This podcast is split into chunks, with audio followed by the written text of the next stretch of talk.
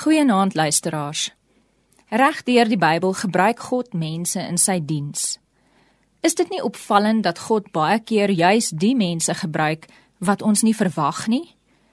Daar is byvoorbeeld Jakob wat vir sy pa en broer lieg en bedrieg. En dan is daar Josef, die oogappel wat voorgetrek word. Ons dink ook aan Dawid, die skaapwagter wat 'n ander man se vrou vat. En dan is daar natuurlik vroue soos Rut wat nie eers 'n Israeliet was nie. En ook Ester wat haar uiteindelik haar volk gered het.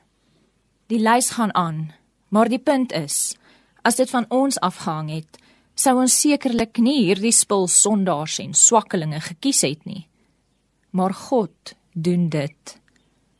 Daarom is dit nie eintlik verbasend dat God 'n doeteenvoudige jong Joodse meisie gebruik om geboorte te skenk aan sy seun, Jesus nie. Maar nogtans was Maria verbaas en verbuisterd toe die engel aan haar verskyn. Die engel stel vir Maria gerus en sê in Lukas 1 vir haar: Moenie bang wees nie.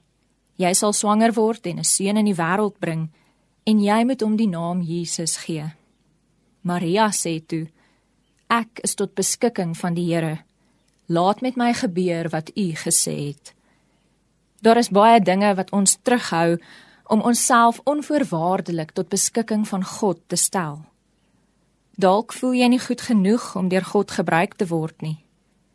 Ons het baie verskonings. Ek is te jonk, ek is te oud, ek is te swak, ek is te skaam. Maar God gebruik juis feilbare, nietige mense soos ons om sy hande en voete in die wêreld te wees. Ons moet net die geloofsprong neem om onsself tot beskikking van God te stel. Dan sal ons saam met Maria 'n loflied kan sing, soos in Lukas 1 vers 46 tot 48.